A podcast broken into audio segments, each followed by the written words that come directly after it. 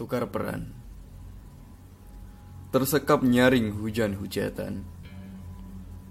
Tak sanggup kukenali riuh senapan. Detak nadi pun larut dalam dekapan. Senyap tanpa tanggap pendengaran. Lalu siapa yang kini akan kau salahkan? Bila mereka saja acuh tanpa beri alasan Menyumbat lubang dengan kedua tangan. Lantas mulai bergantian bertukar peran